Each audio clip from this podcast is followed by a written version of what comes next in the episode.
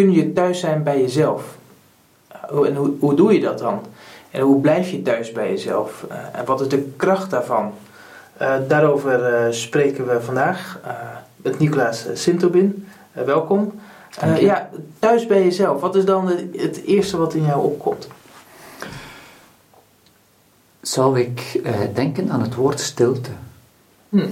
Ik denk dat thuis zijn bij jezelf, thuis kunnen zijn bij jezelf, heeft veel te maken met samen met jezelf kunnen zijn in de stilte.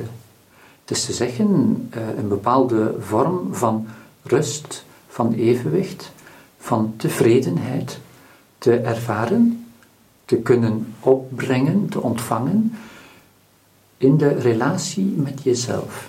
Zodanig dat je niet de behoefte voelt, of niet te veel, de behoefte voelt om eigenlijk weg te lopen van jezelf. Hm. Omdat de confrontatie met jezelf, en dan in het bijzonder met de moeilijke kanten, de moeilijke ervaringen, datgene wat er is of wat er niet is en wat je eigenlijk anders zou willen, dat die confrontatie eh, voor jou te zwaar, te moeilijk, wordt, waardoor je ze gewoon uh, uit de weg gaat en misschien systematisch uit de weg gaat en daardoor dreigt terecht te komen in een situatie waarin je eigenlijk voortdurend op de vlucht bent voor jezelf. En dat is niet leuk, want dat geeft onrust voortdurend. Ja, Oké, dus uh, jouw eerste reactie is meteen wel best een uh, zwaar antwoord, merk ik. dus de stilte in. Um, ik denk dus ik denk eigenlijk dat er wel een verlangen is bij veel mensen om wat meer thuis te zijn bij zichzelf. Zeker als je een druk leven hebt waarin je eh, een gezin hebt, eh, waarin je werkt, eh, sociaal netwerk moet onderhouden, vriendschappen, families, etc. en dat je dan misschien ook denkt, ja, ik zou misschien wel wat meer tijd bij mezelf willen doorbrengen, maar ja goed, ik moet, ook, ik moet er ook voor al die andere mensen zijn en de tijd is uh, spaarzaam, dus waar, waar, kies ik nou voor? Waarom zou het dan toch slim zijn om, om, uh, om toch te investeren in een beetje stilte elke dag? Um, in de aanloop van je vraag schetste je een tegenstelling. Mhm. Zijn bij jezelf en zijn bij de ander. Mhm.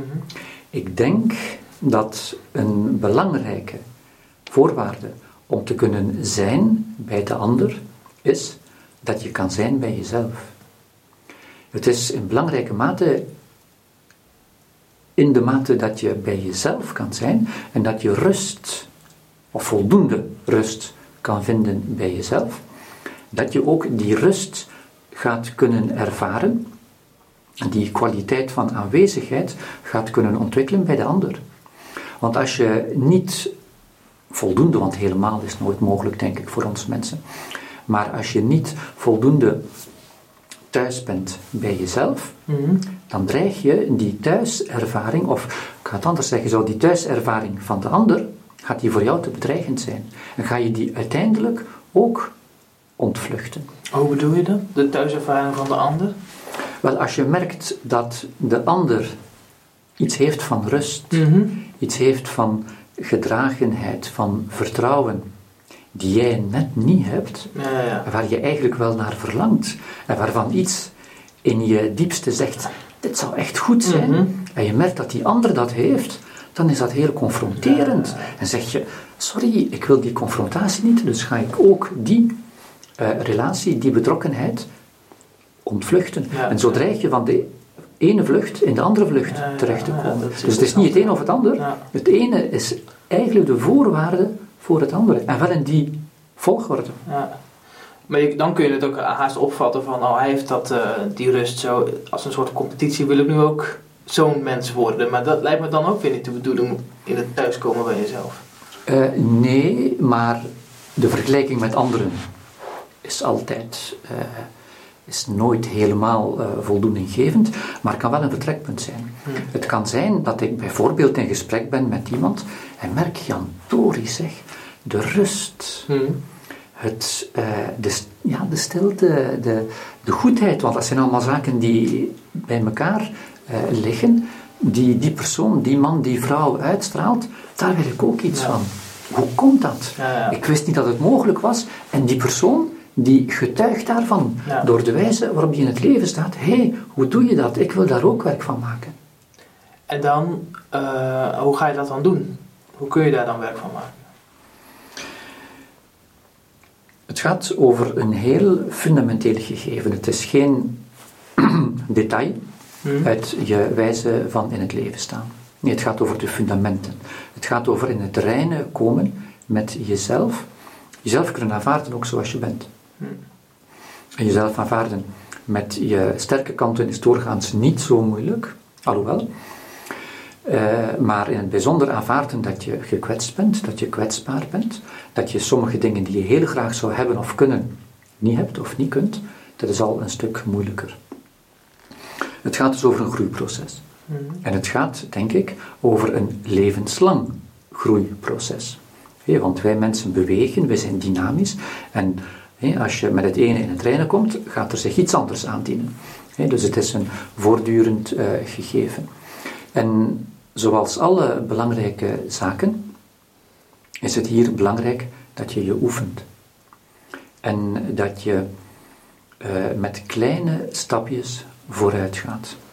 Als ik kijk naar mijn eigen ervaring, wat voor mij heel belangrijk geweest is, en ik denk echt een, een keerpunt, is de ervaring die in mij gegroeid is als ik een jonge man was, die een ontdekking was, iets wat ik niet wist dat dat bestond. En die ervaring heeft te maken met gebed. Mhm. Ik wist dat gebed bestond. Ja. Maar ik ben een nieuwe vorm van gebed gaan ontdekken. meer in het bijzonder uh, het gebed met, uh, met de Bijbel. Het in stilte luisteren naar uh, Bijbelverhalen. En daar ben ik heel geleidelijk aan. De, is heel geleidelijk aan de ervaring gegroeid dat ik dat er een God was. Ik wist dat wel. Mm Maar dat is een ervaring eh, geworden, meer in het bijzonder doorheen de persoon van Jezus. De evangelieverhalen. En dat die God, dat Jezus, de vrezen Heer, van mij houdt. Niet om die reden, niet om een andere reden, gewoon zomaar. Dat Hij mij aanvaardt. En kost het, tijd, kost het veel tijd om dat dan vervolgens te aanvaarden? Dat er iemand is die zo van jou houdt? Ik denk dat dat een levenslange uitdaging is. Want uh, het blijft, hoe dan ook, moeilijk om te leven met de gaten die er zijn mm. in je bestaan. De gaten? de gaten, wat je niet kan, wat je niet hebt. Uh, en de moeilijke ervaringen die er uh, geweest zijn. Maar voor mij is de de geleidelijke ontdekking, de ervaring dat er iemand was, iemand is, en die noem ik God, die mij niet tegenstaande en soms dankzij, en gewoon omdat het zo is, die van mij houdt zoals ik ben, dat heeft mijn leven in zekere zin ondersteboven geplaatst. Mhm.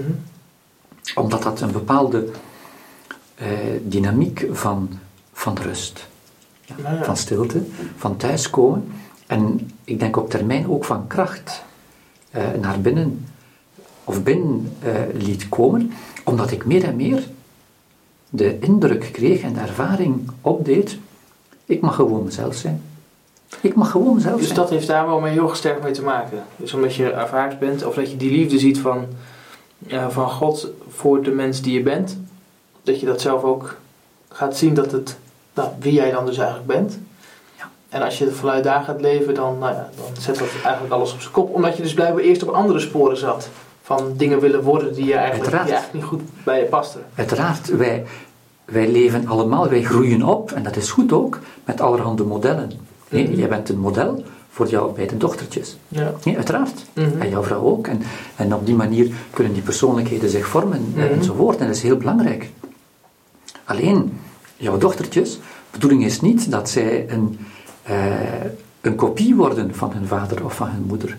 Wel dat jullie voorbeeld hen inspireert om hun eigen persoonlijkheid te ontwikkelen en te ontdekken. Ik heb ook modellen gehad en ik heb goede modellen uh, gehad. En in de samenleving heb je ook allerlei eisen die aan jou gesteld worden, op min of meer subtiele manier.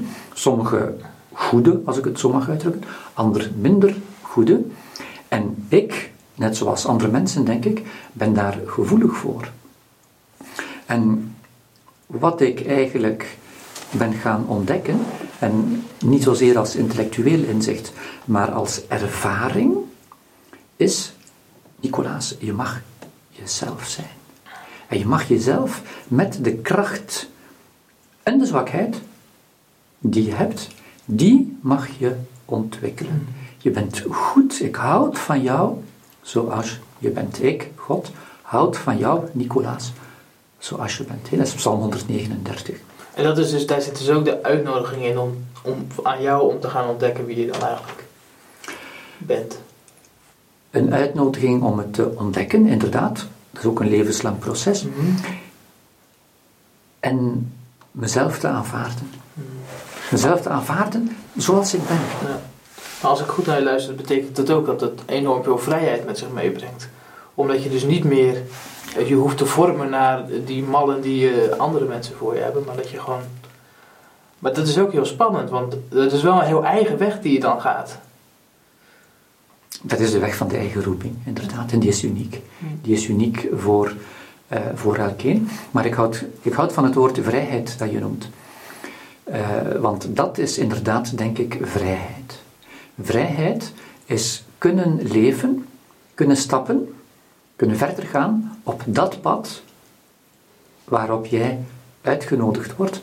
En als je in de mate dat je jezelf, dat je de genade krijgt, want het is een genade, het is niet iets van hard op de tanden bijten, je krijgt het, het is een, het is een geschenk, dat je jezelf kan aanvaarden en mag aanvaarden omdat je aanvaard wordt, vermindert de nood, de behoefte en dus ook de energie die daarin kruipt, om allerlei constructies op te zetten om weg te lopen, om te doen alsof, om maskers eh, enzovoort eh, op te zetten. Je mag gewoon jezelf zijn. Je mag meer en meer jezelf zijn. En niet in de zin van, laat maar gebeuren, het kan me allemaal niet meer eh, geven. Want dat is ook een heel eisende weg, want dat vraagt dan ook van op te bouwen en verder te ontdekken en te groeien en te investeren. Maar op zo'n manier dat je voelt, hier ben ik op mijn plaats. En oh, dit klinkt, uh, dit klinkt heel, dus eigenlijk de uitkomst, om het zo te zeggen, is het denk ik heel mooi, maar ook wel dat het natuurlijk dus een weg blijft tot het einde van je leven. Maar ik denk als je aan het begin staat, dat het ook, dat er wel veel weerstand kan zijn. Je stipte net al even die gaten aan, mhm. maar die kunnen best wel enorme afgronden zijn waar je lastig langs uh, manoeuvreren is. Het kan heel confronterend zijn. En als ik uh, mijn eigen weg uh, zie, het heeft lange jaren geduurd. Ik zei daarnet, als jongvolwassene heb ik, uh, ben ik iets beginnen smaken, iets op het spoor beginnen komen van, daarvan. Dat heeft 10, 15 jaar geduurd en dat is een een proces dat nog steeds verder gaat. Maar als je, als je nu uh, zit te kijken um, en je denkt, ja, inderdaad, uh, het moet misschien anders. Uh, ik zou ook eigenlijk meer tijd met mezelf moeten doorbrengen en niet steeds moeten vluchten voor wat ik dan, als ik eventjes bijvoorbeeld bid of bijvoorbeeld bid met bidden onderweg. en er is dan die stilte dat je dan steeds denkt, wat moet ik hier eigenlijk mee? want als ik hier mijn eentje ga stilzitten, ja, wat komt er dan wel niet allemaal op me af? als apen in een boom. Ja. Het is heel belangrijk dat je aan de zijkant van de weg waarop je wandelt, dat daar enkele andere mensen staan. Ja. En dat daar mensen staan die jou daarin op de een of de andere manier kunnen begeleiden. Waar je mag schuilen. Misschien zou een retraite dan een goede stap kunnen zijn. Een retraite... duidelijk met een begeleider uh, zo de eerste stapjes zou kunnen zetten. Dat kan gebeuren in een retraite, dat kan gebeuren in de vorm van geestelijke begeleiding, dat kan gebeuren in een liefdesrelatie, in een vriendschapsrelatie. Mensen bij wie je thuis kan komen en die jou niet voortdurend onder druk gaan zetten om meer, uh, scherper, uh, anders te gaan ja, presteren. waar je ook kwetsbaar kunt zijn. Waar je jezelf mag zijn. En waar je ook kwetsbaar mag zijn en waar je dus dat masker mag laten zakken, om met je vreugde en ook met je pijn. Want die pijn die is er wel degelijk. En als die pijn en dat verdriet, om welke reden dan ook, en elkeen heeft zo zijn eigen uh, verhaal, als je die pijn en dat verdriet die op de een of andere manier mag uiten, in de loop van je verhaal, in de loop van je zoektocht. En niet enkel eenmaal, maar ook regelmatig, ook na jaren, ja, dan dreigt dat opgesloten te raken en dan, dan kunnen er allerlei vreemde dingen mee uh, gebeuren, want dat gaat gisten en dat gaat, uh, dat gaat zijn eigen weg gaan, uh, steeds maar dieper en wordt giftig enzovoort. Dus het is een proces, het is een weg, het is een groei die je zelf moet doorgaan, maar als het even kan, liefst met enkele broers en zussen, andere mensen, die je daarop eh, helpen. Mm. Als ouder kan je dat een tijdje doen eh, en kan je daar een bepaalde, een heel belangrijke rol in spelen met uh, je kinderen, maar het gaat niet enkel over de taak van ouders. Mm. Ook andere mensen kunnen dat en zijn daar heel belangrijk bij.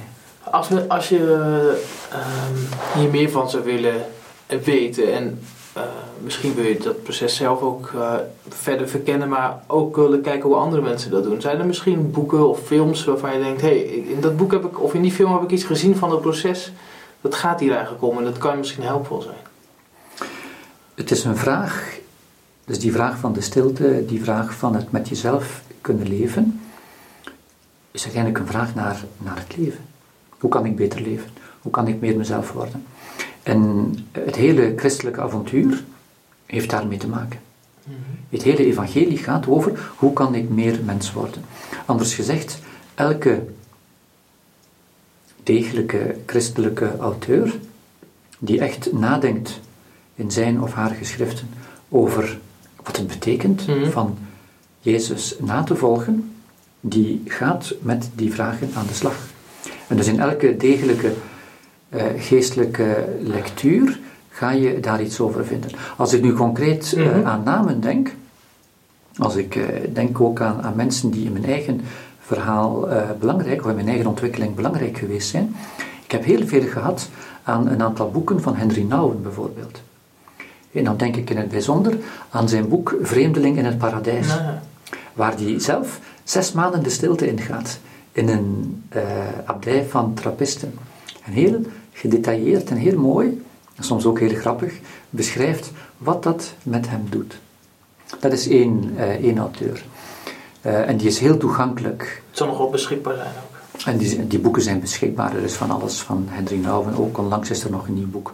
Uh, een aantal predikaties van hem. Mm -hmm. die gepubliceerd zijn geworden. ik denk ook aan een andere auteur, maar dat is een heel ander type ervaring maar ik wil het ook even noemen, dat is Frans Jalic.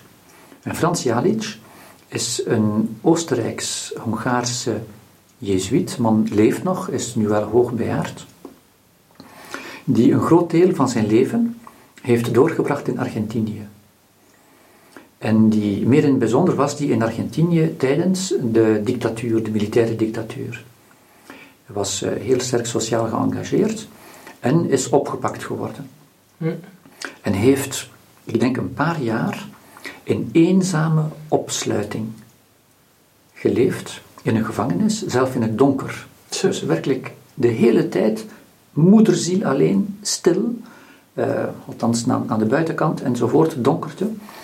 En die man, die heeft dat ook als mens gewoon, hè, als, uh, als, uh, als christen, als, als levende mens overleefd. Door te bidden, en meer in het bijzonder, omdat hij dus niks had, geen boek, eh, geen beeldmateriaal, niks, volledig in het donkerte, in de stilte, heeft hij een manier van bidden ontwikkeld, die hij achteraf, hij is dan vrijgelaten en hij is dan terug naar Europa gekomen, hij woont nu in Duitsland, waar hij bepaalde oefeningen uitgepuurd heeft, uitgedistilleerd heeft, stilteoefeningen, gebedsoefeningen, en dat is een hele methode geworden die hij eh, in heel Europa en daarbuiten verspreid heeft. Hij heeft ook een aantal boeken geschreven, waarvan er vertaald zijn in het Nederlands. Ik weet dat een van die boeken heet Stilteoefeningen, van Frans Jalic. En daarin, en ik heb zelf een paar retraites gedaan volgens die methode, En daar ligt de nadruk heel sterk op de stilte. Ja. Dus werkelijk proberen alle woorden, alle beelden los te laten. Niet om binnen te komen in het niets. Want christendom is niet binnenkomen, of christelijk geloof gaat niet over binnenkomen in het niets. Maar wel om zo naakt en zo, zo onbemiddeld als mogelijk gewoon voor God te komen.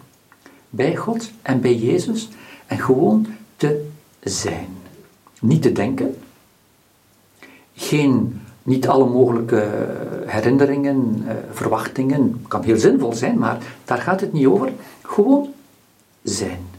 En bijvoorbeeld één woord mhm. gedurende een uur op het ritme van je ademhaling te noemen. Ik zeg maar vader. Of vrede. Of dank. Inademen, uitademen. Of Jezus. En gewoon dat woord te noemen en daarbij te zijn. Dat is wel voor gevorderden, of niet? Dat is voor uh, gevorderden, maar dus het, voorbeeld, het voordeel van uh, die methode die Frans Jalic uitgewerkt heeft, is dat hij daar echt een methode van gemaakt heeft, waarin je kan ingewijd uh, worden. En uh, er worden dus effectief uh, retraites georganiseerd, waarin je daar samen met anderen wordt in, ingeleid oh, en wordt in begeleid. We zullen wat over hem publiceren in deze dagen, denk ik, op onze Facebookpagina. Ah ja, ja, ja, ja, ja, goed idee. Ja. Want, ja. ja. om een beetje te helpen, ja, wat, wat, sporen aan te rekenen. Eh, bedankt uh, Nicolaas. Ik denk, uh, ja, als je geïnteresseerd uh, bent geraakt door dit spoor, ja, natuurlijk kun je ook elke dag bidden met bidden onderweg, hè, wat al een zeer goede basis legt hiervoor. Um, de website van de Jezuïeten vind je in elk geval meer over de retraites die, die we organiseren en ook christelijke begeleiding die we aanbieden. Mocht je binnen je vriendenkring niemand hebben om, ja, om jezelf bij te zijn. Bedankt. Graag gedaan. En, we zijn volgende maand terug met een nieuwe uitzending van Facebook Live.